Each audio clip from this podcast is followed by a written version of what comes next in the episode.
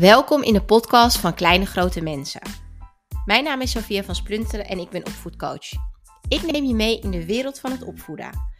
Waar doe je nu eigenlijk echt goed aan als ouder? En wat heeft je kind nodig om zich optimaal te kunnen ontwikkelen? Ik leid je door het doolhof van opvoedvragen en duik er dieper in om de antwoorden te vinden waar je als ouder zo naar snakt.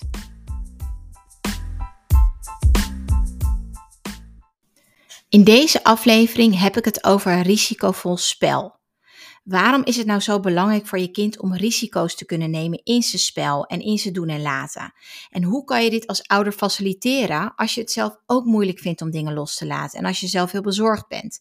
In deze aflevering duik ik er dieper in. Het gaat over risicovol spelen.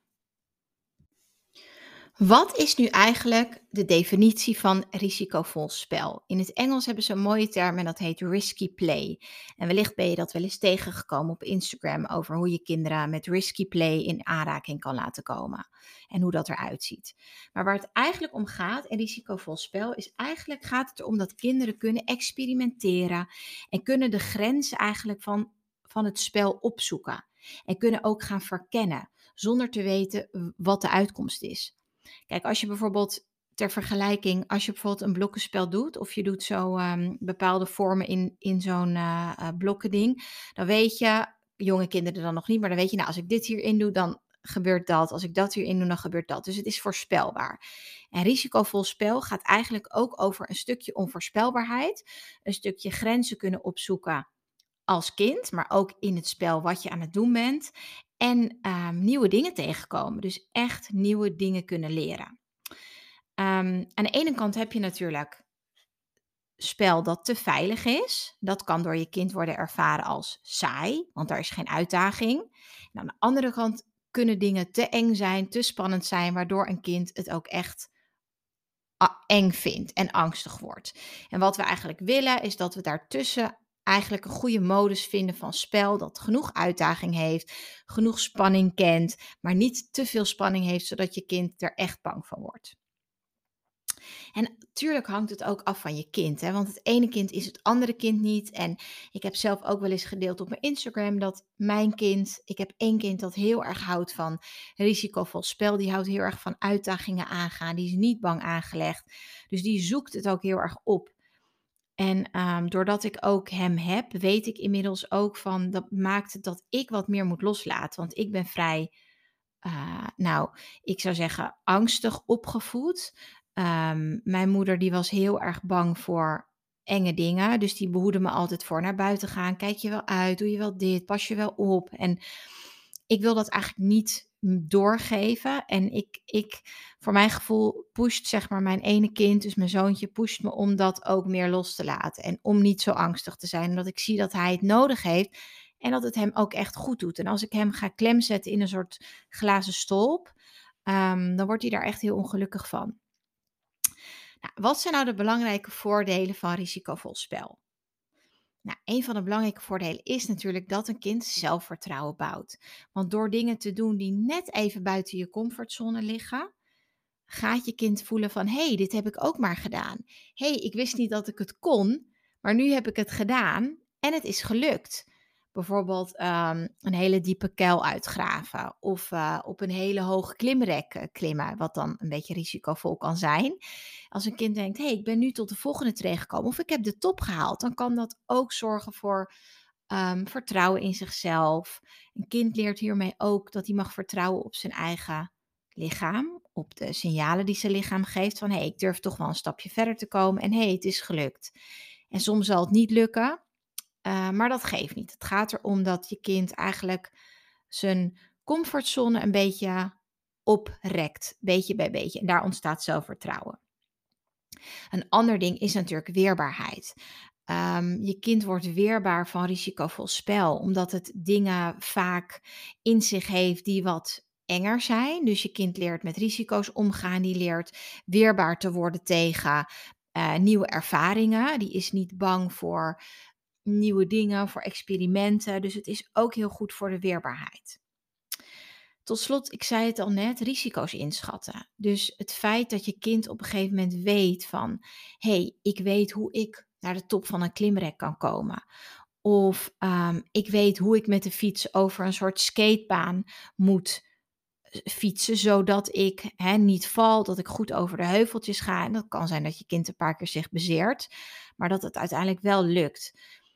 En ja, tot slot het laatste voordeel eigenlijk. En dat, dat is eigenlijk wel heel grappig, want wij denken soms van, oh, als we een kind beschermen, dan ehm, is dat beter. Dan beschermen we hem tegen de gevaarlijke buitenwereld. Maar wat nu blijkt, is ze hebben onderzoek gedaan ook naar de gevolgen van risky play.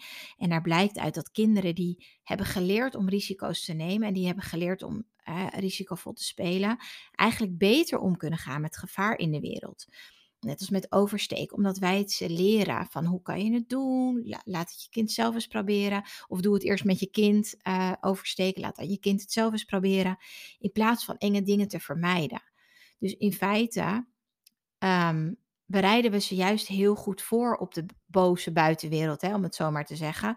Door ze juist mee te nemen in enge dingen. Door ze die risico's te laten inschatten. Door uh, gevaar niet weg te nemen, maar gewoon daarmee om te leren gaan. Dus dat, dat is voor mij wel echt dat ik denk, oh ja, als ik daaraan denk, van uh, eigenlijk is het goed om je kinderen aan risicovolle dingen bloot te stellen, omdat ze dan ook beter met gevaar om kunnen gaan. In plaats van kinderen die heel erg worden beschermd, zullen nooit, uh, zullen het moeilijk vinden om uiteindelijk dingen zelf uh, te kunnen. En, en daarnaast worden, worden ze zelf ook bang, doordat wij ze een beetje bang maken. Wat nog een ander belangrijk ding is om mee te nemen als je dus dat risicovolle spel van je kind wil meer gaan opbouwen, is het zo belangrijk dat we hiermee rekening houden dat het kan zijn dat je kind zich bezeert, dat het kan zijn dat je kind zich verwondt, dat hij pijn heeft, dat hij een schram krijgt, dat hij een keer valt. Dus we kunnen niet zeg maar een risicovol spel hebben aan de ene kant of willen en aan de andere kant niet willen dat ons kind zich pijn doet.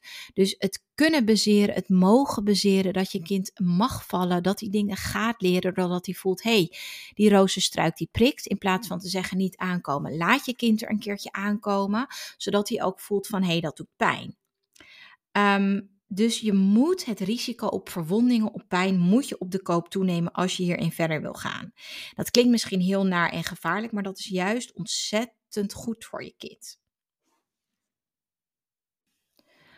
Als je nou zoiets hebt van, ik vind het eigenlijk wel heel interessant en ik wil eigenlijk wel dat mijn kind risicovoller uh, gaat spelen. Misschien is je kind uh, wel uh, iemand die risico's opzoekt, maar van jou nog niet zo genoeg gelegenheid krijgt. Of is je kind misschien juist wat angstiger, waarvoor je zoiets hebt van: ik wil juist dat hij leert om meer risico te nemen. Ga ik je vertellen hoe je dat kan doen in je dagelijkse leven. Hoe kan je het inzetten? Hoe kan je het faciliteren? En wat zijn handige tips daarvoor? Nou, ten eerste is het goed om bij jezelf te bedenken: wat speelt er bij mij? Hoe zit ik erin als het gaat om enge dingen proberen? Want dat is natuurlijk uiteindelijk de kern waarvanuit we ook reageren. En als we zelf heel angstig zijn en heel bezorgd en heel erg bang zijn dat ons kind pijn gaat hebben of dat ons kind zich gaat bezeren, dan zijn we ook geneigd om heel erg continu te zeggen: pas op, kijk uit, doe voorzichtig, et cetera. En dat is een staat waarin je je kind eigenlijk niet dat vertrouwen geeft wat je je kind wel wil meegeven. Dus dan helpt het heel erg voor jezelf om te bedenken: moet ik hier ingrijpen of kan ik hier ingrijpen, maar is het niet nodig? Dus als je kind bijvoorbeeld uh, wil helpen met koken en hij wil de hete pannen pakken, is het natuurlijk een heel erg positief iets dat je kind wil interesse heeft in koken, mee wil helpen in de keuken, mee jou wil helpen met iets. Dus dan kan je jezelf afvragen: oké, ik kan ingrijpen, ja, dat kan, maar zonder dat ik mijn kind meteen weer op de grond zet. Hoe kan ik mijn kind eigenlijk veilig die risico's laten nemen. Dus dat gaat echt om het begeleiden van risicovol gedrag als je kind klein is. In plaats van meteen te zeggen: nee, dat mag niet, dat is heet. Niet doen, niet aan de pannen komen. Oké, lieverd, ik zie dat je het leuk vindt om mama te helpen. Ik ben soep aan het maken. Hoe kan je jouw kind een taakje geven die veilig is? Zet hem dan niet naast de pan, maar laat hem bijvoorbeeld wel met een niet zo heel scherp mesje uh, iets snijden. Dat is iets wat kinderen bijvoorbeeld al vanaf hele jonge leeftijd kunnen doen. Je kan ook van die kindermesjes kopen waarbij kinderen leren om gewoon leuk mee te helpen in de keuken en iets bij te dragen. Dus vaak is er wel iets mogelijk. Als je bijvoorbeeld zegt, nou, ik wil hete pannen, dat gaat natuurlijk te ver voor een kind van één of twee. Dat is niet slim. Maar wat kan je wel doen? Dus shift heel erg je mindset. Oké, mijn kind heeft interesse hierin. Hier, dit is een behoefte van hem. Hoe kan ik hem of haar hierin faciliteren? Oké, nee, je mag niet bij de pannen, die zijn te heet. Maar je mag wel in de pan roeren, bijvoorbeeld als ik naast je sta. Of je mag wel wat snijden daarnaast. En op het moment dat jij bijvoorbeeld wat anders moet gaan doen, dus dat je je kind niet kan begeleiden, dan geef je je kind uiteraard een taakje die wel veilig is. Maar als je eens gaat nadenken over momenten of interesses van je kind, zijn er altijd wel manieren om het met je kind samen te doen. En dat is ook met vuur. Ik weet bijvoorbeeld, mijn zoontje die heeft al sinds dat hij klein is echt wel een vuurobsessie. En heel veel kinderen vinden het heel interessant.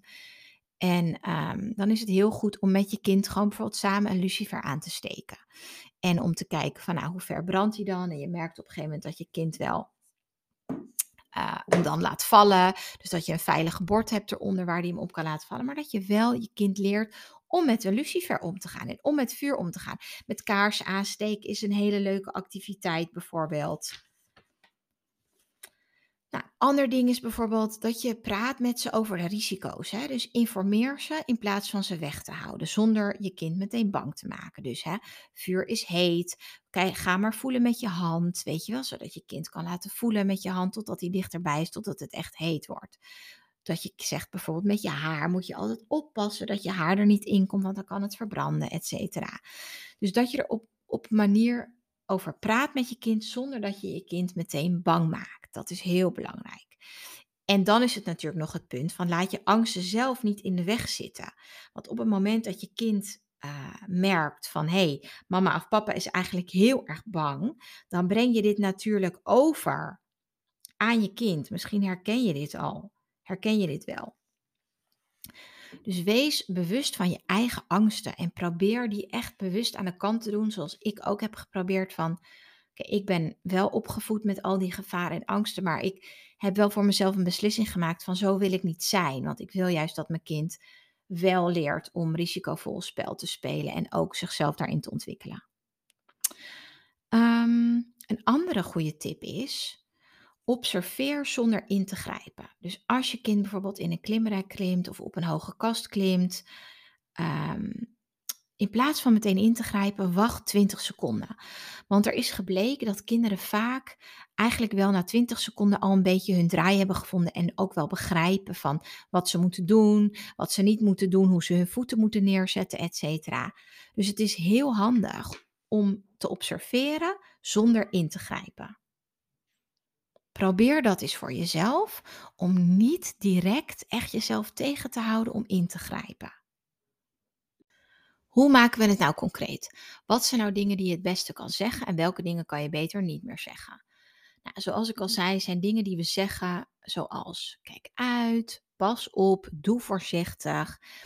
Echt de meest niet stimulerende woorden om te zeggen tegen een kind dat wil ontdekken want ons kind ziet toch de wereld als één grote speeltuin. En als wij ze continu aan het managen zijn met pas op, kijk uit, doe voorzichtig, let daarop, niet doen. Dan zijn we ze eigenlijk continu aan het uh, wijzen op de gevaren. En ook continu aan het focussen op gevaar. In plaats van op die leuke, uitdagende speelplaats die zij zien. Dus Ehm, in plaats van de hele tijd te zeggen wat ze niet moeten doen of waar ze voor uit moeten kijken, is het beter om ze te helpen bij wat ze wel kunnen doen. Dus bijvoorbeeld, je kind gaat ergens heel hoog in klimmen of op een hele hoge berg of in een boom klimmen, et cetera. In plaats van te zeggen, pas op, kijk uit, ga nou niet zo hoog, kan je beter zeggen, focus op de ervaring van je kind en ook zijn lijfelijke ervaring van de stappen die hij zet. Bijvoorbeeld van lieverd, uh, nou, hoe gaat hij daar? Uh, weet je welke stap je als volgende stap gaat zetten? Voel je handen die de takken goed vastgrijpen? Um, hoe voelt het daar? Wil je nog verder of is het voor jou oké? Dus eigenlijk uh, ga je van jouw eigen ervaring naar je, de ervaring van je kind. En ben je eigenlijk aan het intunen op zijn gevoel en op zijn uh, ehm, ervaring door die dingen te benoemen van hé, hey, ik voelde, oh ja, ja, denk je kind, ik voel, ik voel de, de takken onder mijn, onder mijn voeten bijvoorbeeld. Dat geeft een veilig gevoel. Oké, je, je vraagt je kind welke stap kan je als, kan je als volgende zetten. Oh ja, denkt je kind. Waar kan ik nu het beste heen? Dus je leert je kind eigenlijk oriënteren in zo'n klimwedstrijd. En dat is veel effectiever. Bovendien schrikken kinderen vaak van uh, het wijzen van angsten. Um, en wat heel vervelend is, want je wil ze juist niet laten schrikken. Nou ja, sommige ouders willen ze wel laten schrikken, maar dan worden ze gewoon bang. Uh, ik had een voorbeeld van de week. Was ik op het schoolplein en er stond een vrachtwagen uit te laden. Die hadden hun laadklep zo open. Uh, en je kon er ook zeg maar onderdoor. Dus ze moesten wat dingen uitladen. Maar je kon er ook. En kinderen die zien natuurlijk een vrachtwagen met een laadklep als. Oh, wat leuk. Um, daar kunnen we onderdoor. Dus één kindje die glipt daar net zo onderdoor. En die man uh, van de vrachtwagen die schreeuwt zo elkaar tegen dat kind. Niet doen, ga weg bij die laadklep. Maar echt zeg maar vervelend. En dat kindje schrok zich echt helemaal dood. En die begon ook meteen te huilen. Um, en ik vond het zo uh, vervelend eigenlijk. En jammer ook voor uh, dat jongetje en de verkeerde benadering. Omdat dat jongetje zag het gewoon als iets wat heel leuk was. En ze hadden het niet afgekaderd. Dan hadden ze er even een pion voor moeten doen. Of, uh, uh, maar dan, bijvoorbeeld wat je dan beter kan zeggen is van wat een kind wel moet doen. Weet je wel, van kan je, je mag om de laadklep heen lopen of loop via de zijkant. In plaats van altijd te zeggen van niet eronder doorgaan. Uh, geef dan aan wat een kind wel mag doen. Dus loop er langs of uh, als je over uh, het randje loopt, wat mijn kinderen lopen graag langs, zeg maar, de, de, de zijkant van um, stoepen als daar zo'n verhoging is, weet je wel. Of bij bruggen, niet op een brug, maar gewoon op een zijkant van een brug. En dan is het heel handig om te zeggen van, kijk goed voor je, weet je wel. Uh, let op waar je je voeten zet. Um, of hou je vast, weet je wel. Dus geef je kind aanwijzingen in wat hij kan doen, wat hem zal helpen. En uh, neem daarin zijn ervaring als richtlijn. En ga daarop eigenlijk coachen. Dus wees de coach in plaats van de scheidsrechter, in plaats van de, de waakhond. Die zegt dit wel, dat niet, dat niet. Uh, pas op. Uh, geef aanwijzingen. En stel vragen aan je kind van, hey, hoe is het daar? Oh ja, is het uh, makkelijk om je evenwicht te bewaren of uh, wat dan ook. Dus dat, is eigenlijk, uh, dat waren eigenlijk de tips. Dat zijn de tips die je kan gebruiken in de dagelijkse praktijk. Dingen die je kan zeggen, dingen die je kan benoemen.